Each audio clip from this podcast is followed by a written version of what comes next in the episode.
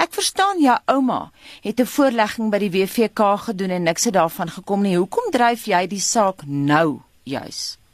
Ek ek dink ek dink aan die einde van die dag. Ek het 'n baie goeie verhouding gehad met my ouma.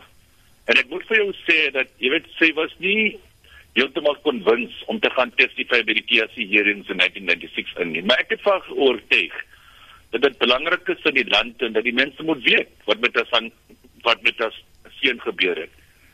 En sy het getestify, ehm um, sy het gevra dat sy wil uitvind wat regtig met haar seun gebeur het. Sy het ook gevra dat hulle moet 'n skool agter haar seun naam uh, en en president Mandela het die Azadwal Secondary School in 1999 gerename na die Amatimol Secondary School.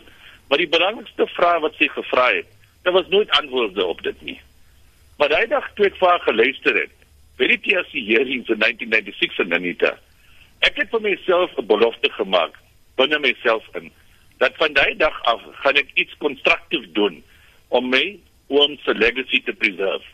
En toe begin ek navorsing te doen en dankbaar vir die Here dat in 2005 en toeskryf ons se boek die More Quest for Justice en ons het die boek ook gelons by die uh, Johannesburg Central Police Station die oud John Foster Square plein maar dit was net een ding om 'n boek te skryf om by, op, op oor my oom en sê en sy geskiedenis en so aan maar ek het altyd geweet dat dit was net die eerste fase Daar was 'n hele klomp ander vrae wat ons nooit geantwoord het nie in die boeke nie.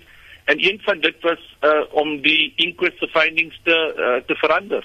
Mm. Want ons het nooit geglo dat Magistrate de Villiers se uh, se se opsomming in, in 1972 en dat my oom suicide gekom het dat dat dit die waarheid was.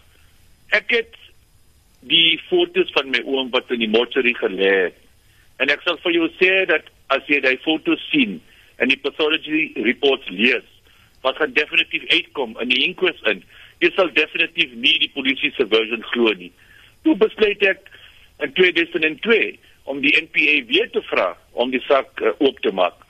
En hulle het hulle het nie saamgestem met my aplikasie nie. Die ding was toegemaak. En toe gaan ek na Jasmin Suka toe, die, die former TSC commissioner. En sy het vir my geluister, beplannings gemaak, eh, 'n uh, span opgeskep en uh, uh weer ons het 'n application gedoen by die NPA in 2015 en ek dink in Januarie in. En die keer was ons waar ons vir die NPA genoeg inligting op die tafel gesit het en vir hulle gesê het kyk, dit is belangrik dat ons hy saak oopmaak. Nou jou vraag uh, Anita, hoekom doen ons dit? Ek kan vir jou definitief sê dat die doel van die inquest uh, is nooit om weer racial tension in die land op te bou nie. Ons is ons is verby daai daar, verby daai tye. Dit is net belangrik dat amptelike rekorde moet moet moet verander word. Ons moet die honor en die dignity van my oom uh restore. My ouma se dignity restore. Sy het getestify by die hearings dat die veiligheidspolisie man het vaar gesê dat sy die vaar kinde pakslag gegee nie. Hmm. En dan later kom hulle terug na haar toe en hulle het vaar gesê dat hy 'n oorlede is.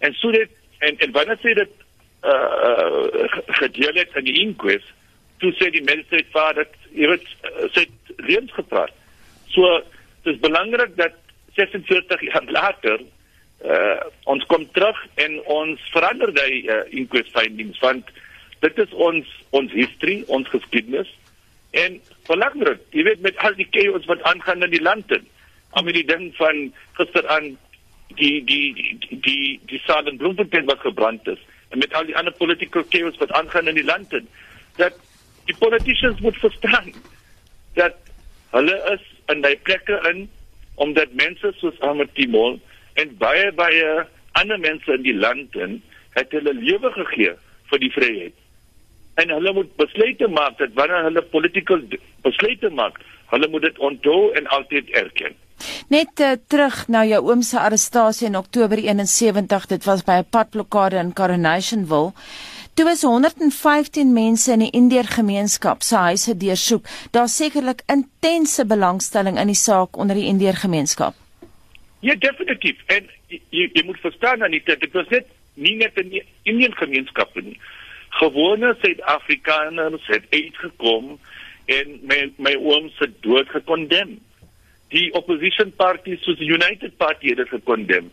die religious uh, leaders, studente by Wits, nie net in, nie net locally, locally nie, but internationally. So there was a overwhelming condemnation van die manier hoe my oom dood is in in in, in polisie custody in. En jy weet, daar was soveel blanke mense wat nie eens polit, uh, wat uh, wat na political party affiliated was, het uitgekom. Hulle het briewe geskryf in die koerante in en hulle het my ouma en oupa gesupport. So dit was nie 'n ding dat net een gemeenskap, jy weet wat wat iemand verloor het gewone Suid-Afrikaners van elke nasie het uitgekom en my oom se dood gekondem. Maar nou is daar 'n goeie ding wat hier uitgekom het. Jy het nou vriende gemaak met van die Afrikaners wat destyds betrokke was by die saak, maar wat jou nou help. Ja, kyk nie reg mense wat direk betrokke was in die saak nie, want die meeste van die mense wat betrokke was in die saak is oorlede. En anders wat inligting het, wil nie reg vorentoe kom nie. Maar dis ander vriende van my wat later in die security gemeenskap gewerk het.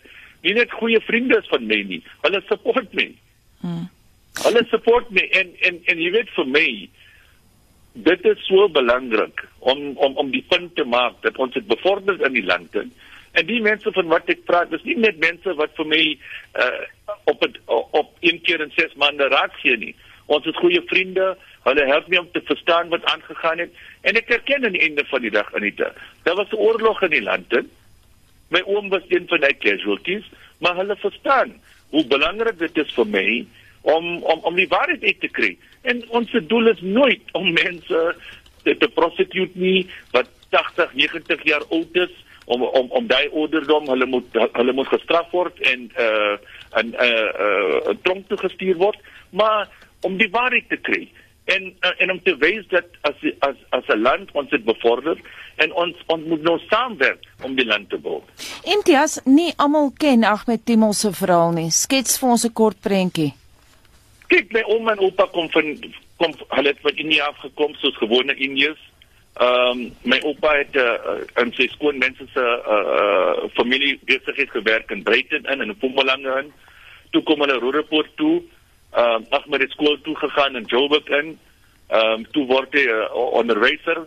Hy het uh, uh hy het uh, studente geleer by die Roodepoort Union Hoërskool. In in 1966 toe gaan hy vir die Hajj, vir die pilgrimage na Saudi-Arabië toe en dan gaan hy Londen toe. Uh ook uh, uh onderwyser gewees in Londen in en dan in 1969 uh, gaan hy Rusland toe met uh, uh, president Thabo Mbeki waar hy sy politieke opleiding gekry het. Hmm. Toe kom hy terug in die land in, in Februarie 1970 en het uh, underground werk gedoen vir die Kommuniste Party. En waarmee hy besig was, was om om pamphlette te, te, te distribute. Onthou dat hy daar was nie hier pos nie, so hy het pamphlette gedistribueer in die pos in om net die boodskap uit te stuur dat mense moet weet dat die ANC en die, en die Kommuniste Party geleef het en hulle was besig en 18 maande later word hy gestop by 'n polisie roadblock. Ehm um, en so omtrent 4 dae en 18 ure later, toe sê die polisie dat hy uitgespring van die venster af op die John Foster Square polisiestasie. Nou baie dankie dit aan die susterskind van Ahmed Timel wat op 27 Oktober 1971 dood is. Die ondersoek na sy dood word maandag heropen.